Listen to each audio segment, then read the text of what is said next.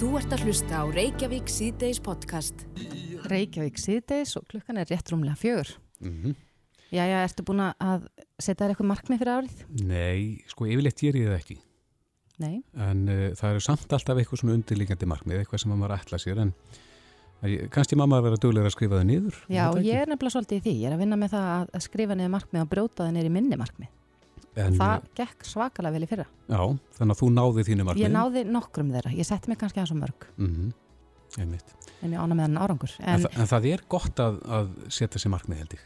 já, ég held að það sé gott að, að svona hafa augun á því sem maður vill. Já, eitthvað til að stefna já. Mm En hann Bergsveitn Ólafsson er mastersnemi í jákvæðri og þjálfuna sálfræði. -hmm. Hann skrifaði mjög áhugaverða pistil á, á vísi í dag um nýjársheit og afhverjuðu klikka og leiðir til að viðhalda þeim.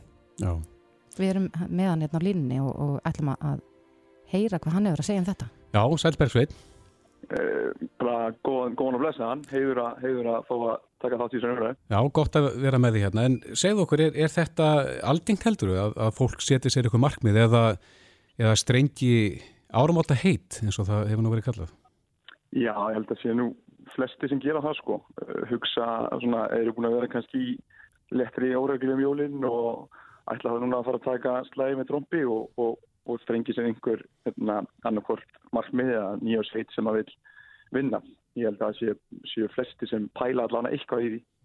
Já, er ekki talað um að þetta sé vinsalsti tíminn fyrir líkansættastöðunar? Það er allt fullt út úr dyrum.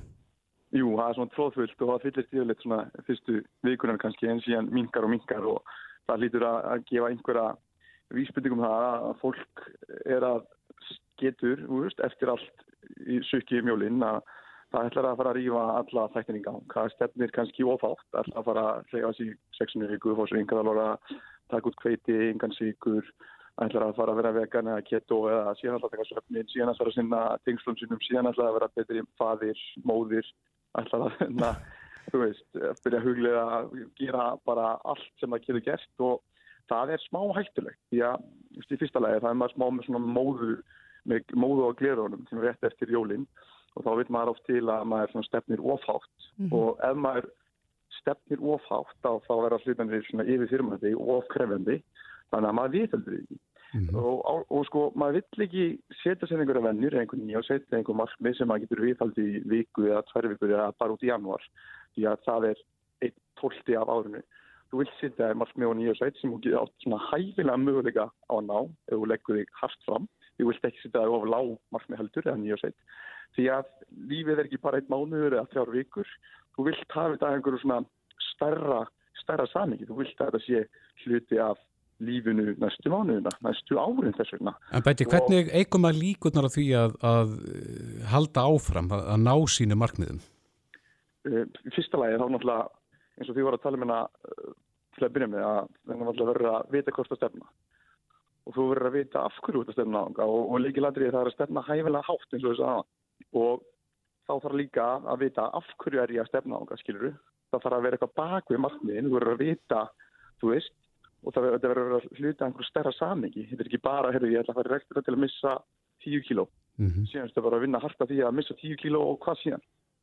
Frekar að vera með eitthvað starra plan þú veist, ég ætla að, ok, ég ætla að missa þú getur sett í margni, ég ætla að missa 10 kíló en það er af því að þér, þú vilt líða vel í ferlinu, eða ég vil fara á æfingu til að líða vel, það er komið miklu betri ástæði fyrir því sem lætið við halda rektinni eða, eða því sem úrst að stefna. Og setja kannski eitthvað tímamörk? Al, alveg klálega, náttúrulega margt þú verður náttúrulega að vera, sko fyrsta lagi er að vera með einhver sín síðan þetta vita hvenar þú vilt ná því. Síðan þetta vita af hverju og síðan þetta plana leiðin ángað og leiðin ángað er náttúrulega þessi litlu skref og það er það sem lífi snýstum, það er að mæta æfingu, það er að hitta vinni sína, það er að borða ákveðu holt og vera nákvæmur svolítið í þeim skrefi. Og síðan það til líka að koma auga á hindanarleginni, þú veist hvað er að fara að koma í veg fyrir það að ég ná að mæti í rektina, þú veist sjúksalega það að maður er upptekinn eða það er mikið ekki í vinnunni eða maður þarf að sinna fjölskyldum, ok, hvernig get ég hvernig getur við yfirst í þá hindrun? Þá hugsanlega hættu kannski vakna að vakna fyrir vinnu hugsanlega taka stýttri æfingu hugsanlega plana æfingu þetta annað frekar. Þannig að það verður að vera, og eins og tölum á það er mjög mikilvægt að skrifa það niður. Og þú talar um á hana, þú voru með margt en myndi ekki skrifa það niður, en við skipilegum hugsanir með því að skrifa niður. Þannig að það er mikilvægt að hafa þetta fyrir fram að sig. Þá minkar óvissan og þá stjórnar sínum svona þessum dögum í lífinu og daganir eru þessi nýja þú veist, það er, það er lífið, þú veist, fólk á ekki að býða eftir því að alltaf vera ánæður loksast að það næri markmiðinu sinni. Nei, Já, veist, þá ertu með markmið sem er einhvern grunni, þú veist, hvað ætlar að gera þjóna markmiðinu? Ok, það er ókslega gott og gaman að ná markmiðinu sínum, maður upplifir kannski ánægilega tilfinningu í einn dag, tvo dag, en hvað síðan? Það verður að vera hluti að stærra, stærra samhengi. Já, Stærri þannig að þú segir að, að að helst að þú þarft að finna hvert þú stefnir til þess að- 100%. að geta náðu þessu markmiðum. Þetta er náttúrulega mjög góð skilabóð.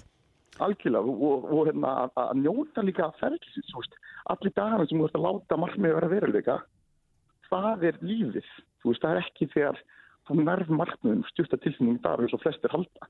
Heldur er þetta, þú veist, hver þú verður á leiðin að ná markmiðunum er miklu, miklu aðra heldur stuttu ánæði tilfinning sem farið að ná þeim, þó það sé óslega gaman líka. En, en hérna, þess vegna að þetta verður að vera, að vita af hverju vilt gera hlutina og því að það er svo sterkt að vera með það, það er miklu sterkar, Já. sterkar heldur en markmið sem er ekki byggðan einum grunni. og hafa markmiðin raunhæf líka. En, en erum við á bundin við það að setja okkur bara markmið í kringum áramótin? Við getum svo sem verið að setja okkur markmið allt árið um kring. Það er alltaf við að gera það. Og við, og við verðum líka að endurskipilega markmiðin okkar og aðlaga þau því að þú veist, þú átt eftir að gera fullt af leginu og þú ert eftir að detta af, detta af vagninum. Og þá er maður að hoppa upp á nýtt og síðan breytast markmiðin, stundum breytist maður bara og maður á ætti vilt að setja sniðum með ég segja svona fjóru sinum yfir árið skipilegja og endur skilgjana markmiðin sín, veist, uh, því að ég meina kannski fílar vilt ekki stefna það sem þú ert að stefna á, þú vilt stefna í byrjunars stundu þarfstu bara að endur skipilega hvað þú vilt. Þú varst, það er svo margt sem er hægt að gera þannig að ég held að alveg klálega rétt hér, ég held þessum of mikið að setja okkur markmið í janúar og síðan bara gleyma þeim í staðin fyrir að líta reglulega yfir þau og setja okkur reglulega markmið yfir bara allt árið. En ég hef nú verið aðeins að pæla í svona þessum fræðum og verið að lesa mér næst til og það er oft talað um að markmið skuli vera mælanleg. Já, Er það eitthvað sem að, að uh, þú ert sammála? já, þetta er það best, náttúrulega best að vera með skýr og mælinni markmið og eins og við tala um smart hérna, markmiðasendurina en það er ekki alltaf hægt veist, það er ekki alltaf hægt að þess vegna finnst mér sko auðvitað einn skýr, skýr sín og hægt er og skýr markmið og hægt er en óskýr markmið er miklu betri heldur en engi markmið. Mm þannig að en ég held að allan skrefin sem þú ætlar að láta síðan eða markmiði verður að líka það verður að vera skýr, þú veist, það þýr ekki bara að gera eitthvað, það þýr ekki bara að segja að að borða hollar. Þú veist, hvað er að borða holl? -hmm. hugsalega er það að borða tvo, græmiti, tvö ásendag, hugsalega er það að þú veist, það, þarf að vera nákvæmur í þessum skrefum. En því nákvæmur sem sín er og því nákvæmur sem markmiði er að því því betra er það alveg klálega. Já. Bergsveit Ólásson, fyrsta mál á dagskrá það er að skrifa þetta niður á blað velta Ég þessu segi það, fyrir ég sér held að því að mingar óvissuna og hérna og stjórnar dögunum í lífinu, þannig að ég held að það sé klálega máli, bara allir þetta að fara að setjast niður með sjálfum sér, því það skýra sér svo miklu meira heldur en fólk heldur að setjast niður með sjálfum sér og vinna þessi sjálfum sér. Já, hægt að lesa greinina en einn á vísi.is Takk fyrir spjallið, Bergsveit Takk fyrir. Takk vel, sjáumst. Bless. Þetta er Reykjavík C-Days podcast. Jæja, Reykjavík síðdeis, nú er uh, nýtt ár komið og menn eru svolítið að ræða svona uh, flugveldana. Umræðan um þá heldur áfram. En uh, það sem að, aðalega rættar, hvort að eigi að banna flugveldi yfir höfuð Já, eða hvort að eigi að þrengja ramman um hvena má stjóta upp akkurat. og svo byrja ekki allan saman um það hvort að flugveldi er mengi eins og sagt er. Já, eða hvort áhrifin séu slík en, en auðvitað hafa þau ekki góð áhrif á umhverfið og annað en, Nei, en nei. En veðrið spilaði með okkur núna um þessi áramót, það er ótt að segja það. En uh, hann er komið til okkar Jón Gunnarsson, þingmaður, sem er fulltrúi dómsmálaráðandisins í starfsópi, sem er einmitt að fjalla um uh, fyrirkomulag flugveld og flugveldasölu. Velkomin Jón. Já, takk og gleðilegt ár. Já, gleðilegt ár. Uh, þið fundið þetta á morgun og eru svona að nýta síðustu hnútana áður Já. stílið tilugum. Já, já, það er búið að setja yfir þessi dag og svo ætlum við að hittast í fyrramálið og erum svona komin langt held ég með þessa vinnu. Já, hva, hvað er, svona getur þú sagt okkur eitthvað af því, hvað, hvert upplegið er? Já, það eru nú kannski eitthvað misjafna skoðanir á því hversu langt á að ganga í þessu en það kemur í ljós þegar að tilúðunar byrtast frá þessum vinnuhópi. Mm -hmm. Við höfum tekið í þetta nokkuð langan tíma, það er, var í sjálfu sér fullt tilefni til, það var nú gefin mjög skammu tími til þess að vinna þetta í upphafi, menn höfðu vendingar um að klára þetta á einhverjum mánuði eða einum að hálfum.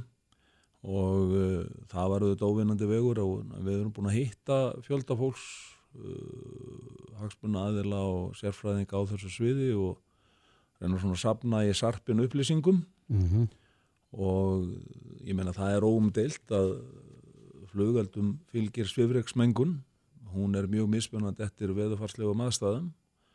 Til að mynda um þessi áramót að þá uh, var sólarhingsmælingin á þeim mælum sem hafa slegið hvað hæst hér á höfuborgarsvæðinu hún náði ekki hilsufarsmörkum, fór ekki yfir þau. Mm -hmm.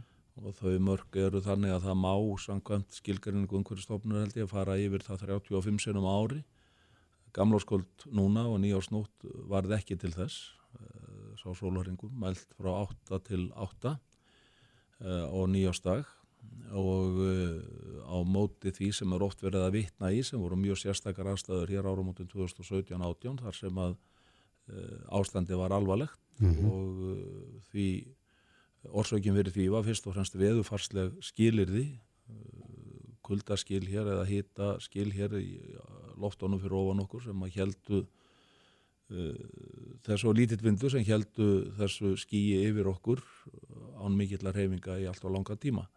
Þetta segir okkur það í raun og veru að, að þarf að bregðast við þessu með einhverjum hætti og við svo sem gerum það oft á tíðum þegar veður er mjög vond að þá er ekki kveikt í brennum kannski þess vegna þá er ekki, hérna, förum við ekki eins mikið út að skjóta en uh, það getur verið tilöfni til þess nefnilega að þegar veðrið er á gott að kveiki ekki heldur í brennum og hvetja fólk þá til að draga úr því að skjóta á flugöldum. Vilt það verði þá, vill hópurinn að það verði þá hugsanlega ykkur ákveði sem að heimila þá yfirvöldum að bara banna fólk að skjóta upp eða kveikja? Ekki, ég get ekki tjáð með um hver verður niðurst á hópsins eins og ég segi það er ekkit víst að við verðum öll sammála, það getur vel verið að það verði einhver sér álit í og sér tilögur hjá okkur í þessu en, en mér finnst það að blasa við að það er augljóslegt að grípa til ímessa rástafana og til að mynda held ég að við séum alveg sammálu um það að það sé eðlilegt og sjálfsagt að stýtta þann tíma sem heimildur að skjótu flugveldum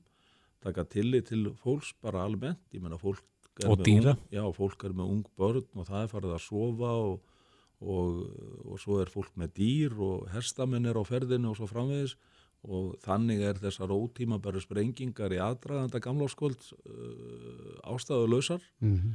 uh, takmarka þetta frekar við gamláskvöld og kannski nýjáskvöld að einhverju leiti og svo á 13. svona restatnar Þrjúkvöld. Við getum verið sammálum að svona slíkar aðgerðir. Ég held líka að það þurfa að gera miklu meira mælingum. Við auðvitað búum í stóru landi og vandamálinn sem hafa skapast í svifriks, tengdum svifrikinu eiga náttúrulega fyrst og fremst við hér ákveðin svæði og höfborgarsvæðinu. Það er til að mynda ekki skinsamlegt að vera með brennur og mikla samkomi fólks í lægðum. Það er miklu betra að vera með það á opnara svæði og helst aðeins á efri svæðum til þess að dreifa þessum reik sem að kemur frá þessu og, og hérna reynsa þannig andrúslotti fyrir. Það þarf mjög lítinn vind til þess að reynsa þetta mjög fljótt, strax um tveggja metra gólu sem nærvalla gólu einsunni og þá verður, verður gríðarlega mikil breyting á reynsuninni. Ég held að ég sjálfur sér að við bönnum þetta aldrei en tilmælum er hægt að koma til fólks og upplýsa það með góðri umræðu upplýstur umræðan um það hvað til hvaða ástafan að byrja að grípa og hvenar þær aðstæður eru sem að við eigum hreinlega að draga úr því að skjóta upp og þá eins að þeir sem eru viðkvæmir og ung börn og slíkt að þeim verði haldið þá frekar innandýra í þennan stutta tíma sem að þetta mesta gengur yfir.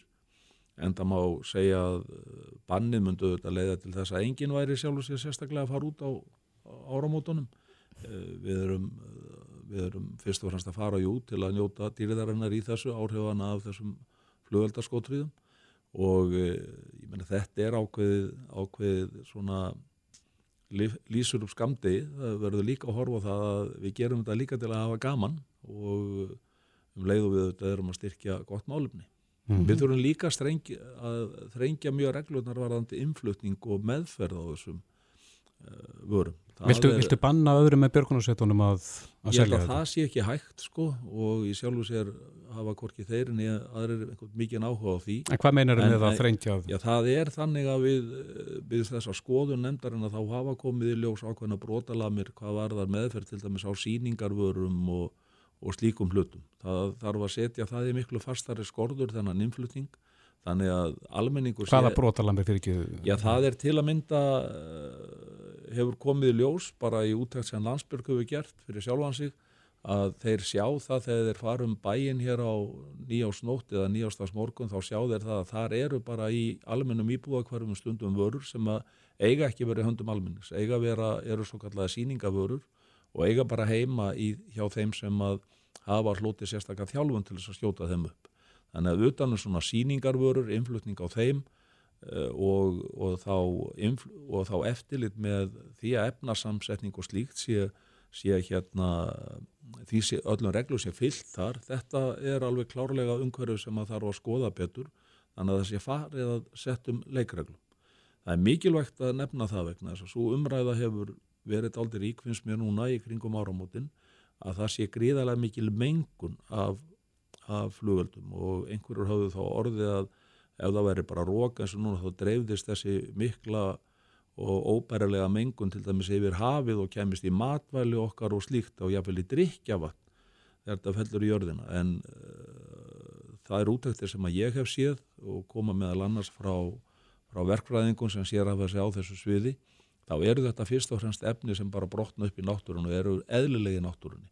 Það er búið að taka úr þessum flugöldum allt sem heitir þungmálmar og slíkt. Það er allt saman vel undir öllum þeim mörgum sem eru sett langt, langt undir þeim þannig að um slíka mengun er ekki að ræða, þetta er fyrst og fremst svifriksmengun, fínt svifrik sem að er þá getur verið skapað vandraði sérstaklega verið þá sem eru viðkvæmir mm -hmm. og við því þarf að bregðast með upplýstri umræðu og mögulega öðrum mótvæðis aðgerðum. Er eining í stafsóknum um þessi mál? Það er kannski fullt snemt að segja til um það.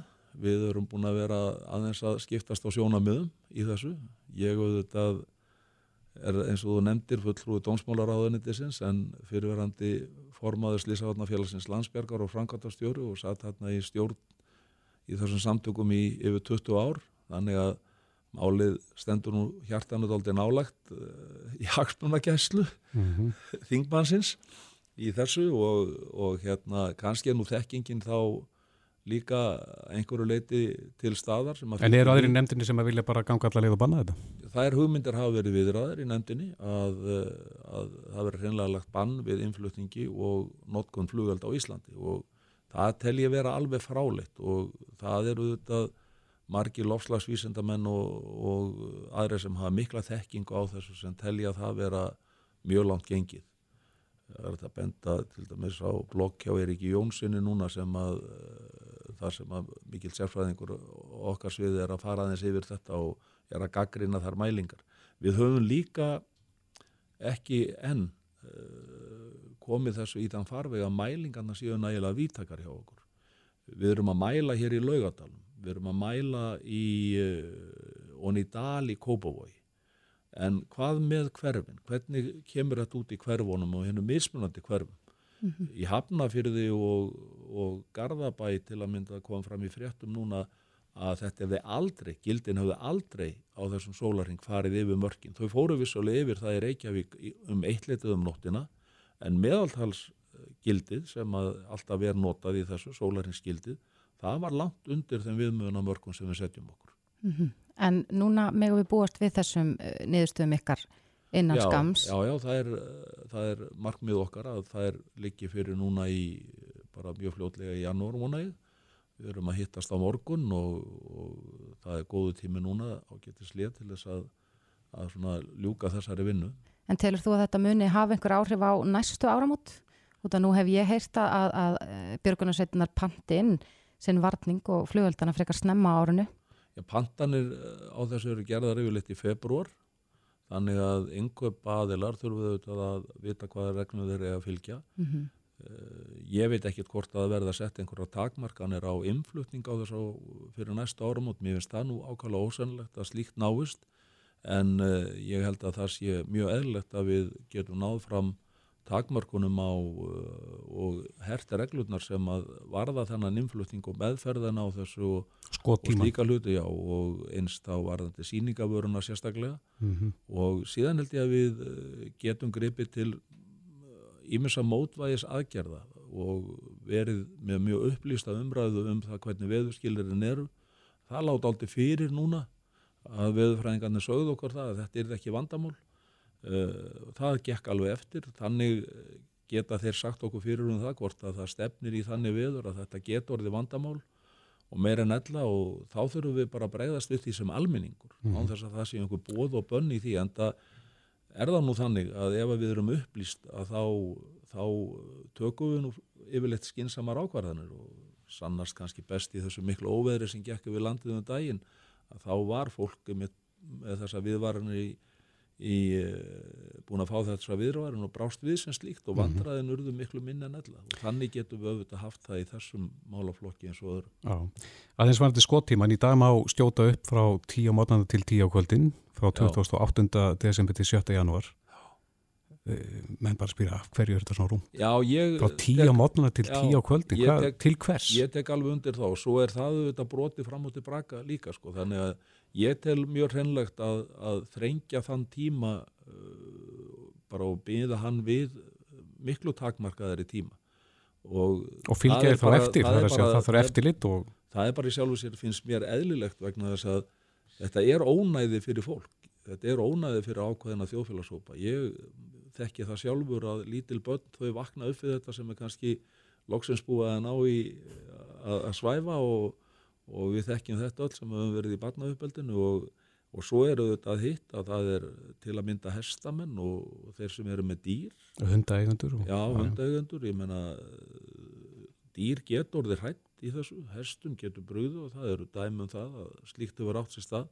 Þannig að til þess að taka tillit til þessara fjölmennu hópa þá finnst mér bara eðlilegt að við, við hérna, takmörkum þetta en það er leikurum fyrst og fremst gerður til þess að hveðja árið og fagna því nýja og það finnst mér að vera ágætis hefð sem að ég sé aftur um móti e, ekki miklu ástæðu til þess að draga eitthvað sérstaklega úr nema þegar að þannig aðstæður skapast. En helst þetta ekki svolítið hendur við líka sölu tíma sko björgunarsveitana þegar að þið byrjaði að selja flugölda þá veit maður bara að það verður byrjaði að sprengja?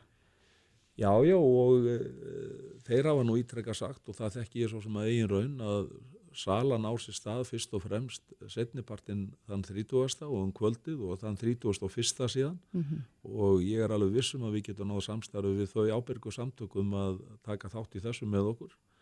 E, það auðvitað líka léttir vinnuna fyrir sjálfbóðaliðana sem þurfum þá ekki að standis langa vaktir, skulum vera minnuð þess að þetta fólk er alltaf leggja á sér sjálfbóðaliða störf en sko það er líka auðvitað mjög mikilvægt að átta sig á því að við erum að tala hér um fjáröflum fyrir þau samtök sem að skilar þeim um 60-70% af rekstaratekjum sínum.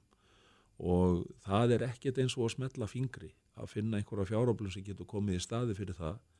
Og það hefur ítrekka komið fram í mitt í viðtölum þessa hóps, núna vinnuhóps við Landsbjörg og þetta þekki ég vel að, að sko það er ekki síðan bara þessi E, fjársöfn sem eru kringum þetta heldur er þetta gríðarlega mikill félagslegur þáttur kom vel fram í fréttum núna þegar það var þetta stóra útkall á Snæfellsnesi í aðráðanda gamlástags og alla sveitirnar hér frá höfuborgarsvæðinu og elvi yfir á Suðurland og norður í Húnáfusíslur eða mann rétt sendu mannskap á svæði þrátt fyrir að vera í þessum miklu vannum í flugveldasölu. Og yfir 300 manns að taka þátt í leit. Og þá sögðu því að þá komu gamlu félagarnir. Þeir ákvaða í staðin fyrir að fara heim klokkan 8 þá voru þeir bara fram eftir kvöld og nóttu með okkur og þeir, þeim fjölgaði hóknum sem að komu. Það er þetta félagslega gildi sem að er, er þessum félagskap svo mikilvægt sem verður í kringu flugul þessi stemming og eining sem verður til í þessum félagum og uh, þannig að þetta er meira heldur en bara fjáröflum þetta er líka félagslegt gildi og það er gríðarlega mikilvægt fyrir þessar björgunarsveitur okkar að vera óháða ríkinu. Ég hef hirt þar hugmyndir hjá einhverjum að þetta eigi bara að fara á fjállag, ríkið eigi bara að sjá um þetta, með öðrum áruðum að ríki svæða þennan félagskap og þessa starfsemi. Já, það er mat okkar margra að slíkt er til þess að þessi starfsemi myndi ekki bera sér bara á eftir. Mm -hmm. Þetta er því fyrsta skrefið í því að, að eidilegja hana. Já, setja punktin hérna Jón Gunnarsson. Kæra þakki verið komina. Takk sem leiðis. Reykjavík síðdeis á bylginni. Jæja, veðrið það er eilíðar umræðefni. Já, örgulega vinsalasta umræðefni bara Já, á Íslandi, alltaf. Við vorum duglega að fara yfir það hvernig jólaveðrið yrði og, og hérna það gekk nú svona mestu eftir Já. eins og spátna hljómiðu. En uh, nú er því spáð að það verður svolítið umhleypinga samt á næstunni. Já, ég heyrði þetta kólna rosalega og svo hlína aftur og kólna aftur þannig að þetta verður áhugavert, áhugaverðið mánuður. Já, hann er að velta þessu fyrir sér. Einar Sveinbjörnsson við fræðingur hjá veðurvaktinni og bliku.is, sætlinar. Já, komið sæl. Umhleypingar, hvað, hvað þýðir þetta? Sviftingar, aðalega sviftingar í, í, í hitta, bæði upp og niður. Til dæmis gert ráð fyrir því að það gerir leysing um helgina á lögadaginn. Það getur nú snjóað samt á undan. mm. en hvar mun Og- þá leysa? Og ég, það gerir það eiginlega um allt land, allavega, allavega á lálendi í, í skamma stund og svo kólnar jafnharðan aftur. En má búast við ykkur vassveðri með þessu? Nei, ég held að þetta standi nú ekki yfir það langan tíma, þó rignir nú talsvert á söður og söðusturlandi. Mm En, en þetta, er þannig sko að eh, við erum komin inn í einhvern svona gýr í veðrinu sem að einkenni stafsviftingum Mm og, eh, og við erum að sjá það að það er að kólna núna fyrir vestan Grænland. Hefur ekki verið til þessa í, í veður, ekki að neinu, neinu ráði. Og þegar, þegar að gerir hálóft að kulda á þessum slóðum að þá uh, kýrir þetta upp dýftin á læðunum og ferðin á þeim. Og, og vestanáttina hún ekstýr í hálóttunum og þetta er, er eins og skopparkringla sem snýst bara hraðar og hraðar. Og hérna fyrir viki fáum við læðirnar hérna yfir okkur á mestu leiti, já í Grendvillandið og það þýðir það að næstu daga og reyndar þess vegna næstu vikur og þá erum við að horfa hér á læðagang stormasama öðráttu sviftingar -hmm. og, og það verði úrkomið samt ímist sem regningslitaði snjókoma. Já, þannig að það verður dýrvillig stöðum á, má segja. En hvað, hvað við að tala um í vindstyrk?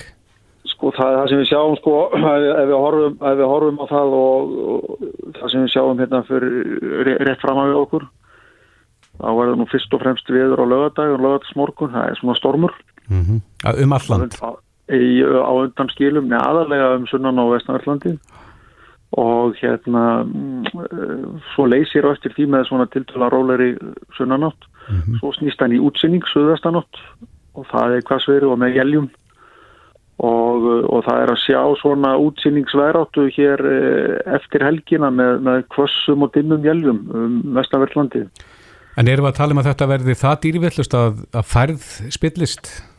Eh, ég kannski ekki að nota orðið dýrvillust sko því að við erum nýkomin úr, úr, úr dýrvillusu veðri í raun og veru sem að var, þetta, voru þessi voru þessi hérna desemberkveldir Já, þetta verður ekkert í líkingu við það? Nei, ekki hvað ekki hva veður hæði ánæri sko, enda blæsan úr allt hann er átt. Mm en það er sko þegar og svona er þá spillir svo færð og verða vandræði og aðalega vegna, vegna blindu og skafrinnings og, og það er svo sko, þegar að vindur fyrir að blása svona þá er svo misjamt og ólíkt eftir hvort, hvort þú ert að ferðast á lálendi eða yfir, farið við fjallvegi -hmm.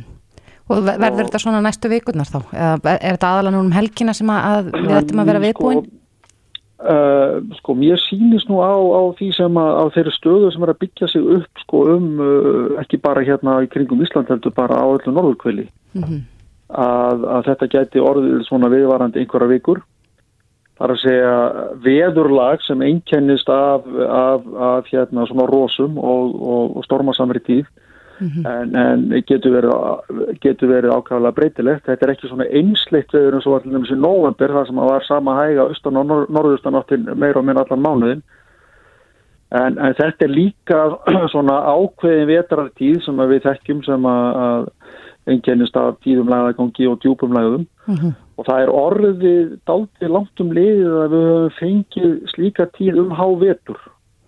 Já, er það? algengara í november eða í lokvetra, í mars og april, svona, svona, svona undanferðin ár, en það eru, það eru nokkur ár síðan við höfum haft svona, svona, svona mikið lagagangi eins og við höfum að sjá núna í spánum eh, þegar að vetur er í hámarkin. Já, ég nefnilega las eitthvað að þetta væri klassist í janúarviður þannig að svo er vist ekki. E, sko, ef, ef, ef þú hefði spurt með þessu svona í kringum 1995 að þá hefði ég álitað að það vera klassist stöður þá var þetta svo algengt. Já, ok. Erum við komin í ring, sem sagt? Já, veðrið fer alltaf yfir ringi. Já, akkurat. Einar Sveinbjörnsson, það er um að gera að búast við þessu. Uh, Þú ert búin að kortleggja þetta fyrir okkur næstu vikurnar. Kæra þakki fyrir þetta. Að, takk, takk. Bless, bless. Bless. Frettir og fróðleikur. Reykjavík síðdeis á bylgjunni. Jæja, Reykjavík síðdeis, klukkan er að ganga hálf sex og, og núna ætlum við að fara að ræða veganúar. Já, janúar, hann er, hann er runnin upp. Akkurat og, og þá eru margir og í síauknum mæli fólk Mhm. að borða bara vegan mat í þessum mánuði. Einmitt. Og marga hefur kannski langað til að prófa, Já, en uh, svo kemur þetta tækifæri að, að stökkva. Uh, hún er komið til okkar Valgýrur Arnódóttir sem er var að samtaka grænkera eh, sem er mitt standað veganúar, velkomin. Takk fyrir það. Uh, þetta er alþjóðlegt fyrirbæri, eða ekki? Jú, þetta hóst þess að fyrir sex árum í Breitlandi og Íslandika voru nú mjög fljótir að hoppa vagnin og fyrir uh, fimm árum þá voru við með okkar fyrsta veganúar átak. Og hvenar uh, hellir þú þér út í þetta? Ég byrjaði minn feril sem vegan manneskja 1. janúar 2016 þannig að ég er komið fjögur ár. Já, og notar þetta tækifæri, janúar. Já, ég ymitt uh, ákvað í desember uh, áður en uh, jan, veganúar byrjaði að, að taka þátt. Hvað var, var til þess að þú ákast það? Ég var hérna svona svo kallu fiskjæta. Ég í rauninni íslenska útgáfan á græmitisætu borðar oftast fisk. Eh, ég var það í mjög mörg ár og þannig ég átt ekki kjöt en ég átt fisk og egg og mjölkufurur en uh, það sem var til þess að ég ákvæða taka þátt er að vinkona mín uh, sem sagt egnaðist bann sem var mjög veikt og hérna og meðan það var á eða vökudild þá þurfti hún alltaf að mjölka sig og og, hérna, og þegar að það var ljóst að hún myndi missa batni sitt, það dó þá hérna, þurfti hún samt áfram að mjólka sig vegna þess að hún var enn með mjólk í brjóstunum og hún deildi þeirri reynslu sinni og, og tengingu hennar við mjólkur kýr, hvernig þær upplifa sorg þegar að kálfur er tekin af þeim. Og þetta var svona í fyrsta sinn sem ég hefði eitthvað hugsa út í það að það væri eitthvað slæmt við eh, neyslu mjólkur afurða þannig ég fór að kynna mig máli bæ, bæði út frá svona siðferðlum sjónamiðum og líka e, bara fyrir hilsuna og þá ákvað ég að ég skildi hætti mjölkuverum og bara taka þátt í veganuar og það hefur ekki verið aftur snúið. ok, en fyrir okkur sem erum ennþá hinum einn og viljum kannski prófa, með hverju mæli eru svona, út að ég, ég sé þetta fyrir mér sem mjög mikinn undirbúning að Já. taka þátt í veganuar. Já, þetta náttúrulega, ef maður hendi sér til djúblaugina þá bara þarf maður að læra að synda. Þannig að fyrir mig þá var það mjög gott vegna þess að ég var sjálf ekkert eitthvað rosalega hérna, mikil, mikil kokkur eða mikið að spá í, í hérna, elda góðan mat. En uh, ég kynnti mig bara að það er til dæmis á veganor.is þá er svona matarplön eitt svona fjölskylduplan, eitt svona heilsusamlegt plan og eitt svona handtækt plan uh, fyrir fólk sem nennir ekki elda mikið hvað þú getur borðað og það er alveg bara allar máltíðir í heilan mánuð sem þú getur fengið hugmyndir að þar. Já, og er ekki líka í matvörubúðum í dag miklu meira úrvar heldur en áður var Jú, af vegan matvöru? jú, það er það svo sannarlega, það er ekkert mál að vera vegan í dag. Það er bara í öllum stórverslunum á landinu hægt að versla vel inn og það er eitthvað sem var ekki fyrir fjórum árum. En nú eru margir svo góðu uh, vanir, það er að segja þeir sem drekka kaffi, þeir vilja kannski rjóma sín út í kaffið Já, og spurningin er hvað á að koma í staðin? já það er náttúrulega til rosa mikið að góðri jurtamjólk í kaffi. Uh, hún er náttúrulega vinsalust og, og orðin fyrir eitthvað fræg hérna gráa ótlímjólkin en þess að það var skortur á henni og það var mikið talað um hana út um alla samfélagsmiðla. En það eru margar svona sérstakar ymitt mjólkurtegundir bæði úr soja, möndlu og höfrum sem er sérstaklega ætlu fyrir kaffi og er svona eins þykkari sem er líka að fá sem í að getur Já, það getur komið í staðin fyrir rjóma. En í kvöld eru þeim með kick-off fund veganuar í, í, í Bíóparadís, ekki satt? Jú, það er núna klukkan átta í Bíóparadís og það er bara öllum velkomið sem að hafa einhvern áhuga á að vita hvað veganismi er eða taka þátt. Það er engin skild að taka þátt í veganúr til að koma á kynningafundin. Þetta er bara svona fræðslufundur um veganisma, um umhverfis áhrif þess, um svona siðferðislega ástæður þess að fólk gerir þetta og líka fyrir heilsuna. Mm Eru þið með eitthvað mælingar á hversu margir taka þátt og Um, hversu margir þá uh, hella sér af fullum krafti út í veganisman eftir janúar? Sko fólk er því miður ekki nógu duglegt að skrá sig opinberlega, þú veist, á opinberlega hérna, veganúar síðuna til þess að við getum fyllt í eftir. En við erum svona meira að vera að fylgja í eftir með því að uh, skoða Facebook-hópin okkar og hann hefur til dæmis vaksið frá því að ég varð vegan fyrir fjórum árum, þá voru 2500 manns í honum en núna er 23.000 manns.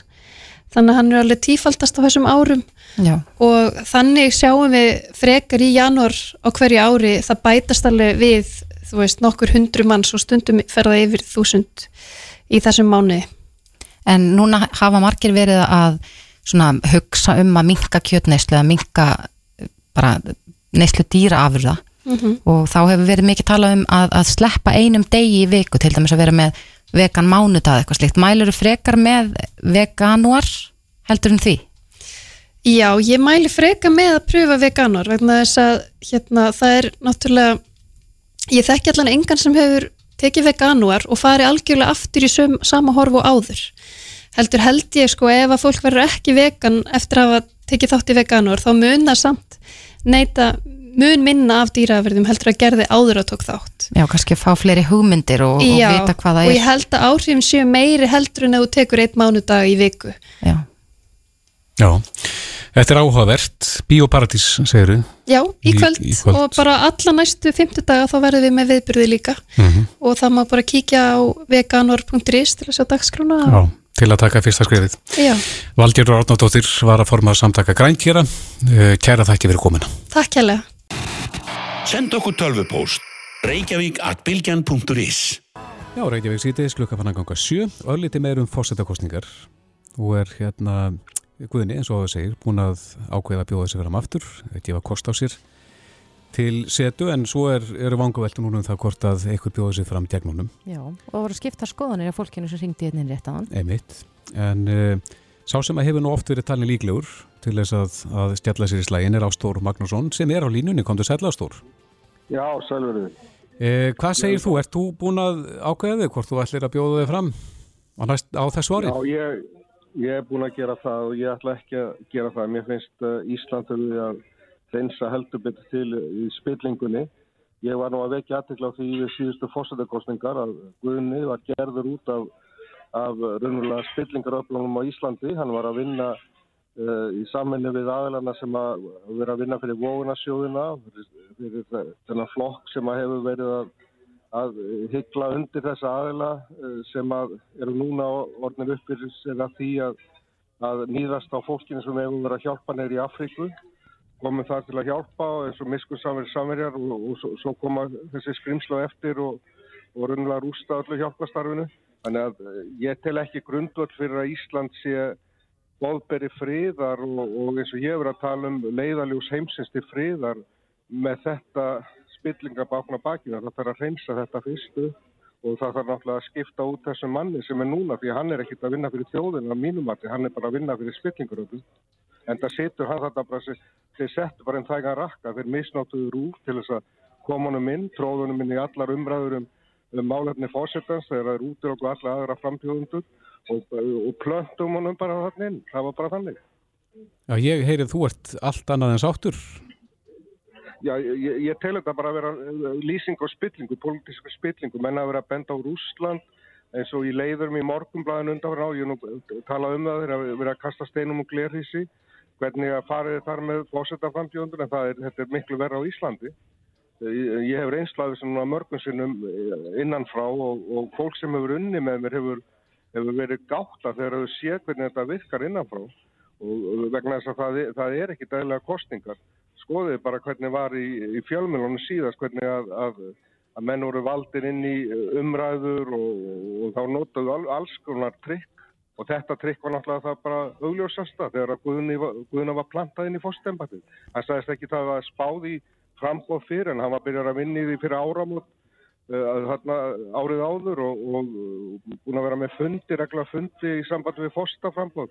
Svo kemur hann fram sem ykkur ykkur uh, ráðgjafi eða umræðu aðili á, á rúfi uh, mörgum sinnum á dag í, í kringum uppnáð sem þá var og, og kemur fram sem einhver spesialist í, í, í fórsættembatun en hann, speciali- hann er bara spesialisir í því að venda kerfið. Það er bara hans En, já, en- Ástól, vi- vilt þú að, að hann fái mótframbóð núna? að sjálfsögðu ég skora alltaf helbrið fólk sem að eitthvað viti í að, að, að sjá í gegnum þetta. Þetta er bara önnur svika mín. Sér- sérðu eitthvað sem að gæti-. Það, það, það, þarf að, að rugga þessum bát. Hver er þið þér að skapi sem mótframbjóðandi? Ég hef ekkert spáð í, í það en ég, það eru margir sem getur gert betur en hann. Þetta, þetta er náttúrulega helst fólk sem þarf að koma úr grassrótinni og, og, og hérna sem að eh, er ekki að vinna fyrir þessi öll sem að hafa ráðið þarna ríkjum utan þetta áratíð þetta fólk er ekki að vinna fyrir þjóðina. Þjóðina þarf alltaf að sjá því. Já. Ástór Magnússon, þú ert búin að taka ákvörðun og býður þið ekki fram á næsta ári. Kæra þakki fyrir þetta. Bestu okkar til Portugal. Já, já, bless. Reykjavík síðdeis á bylginni.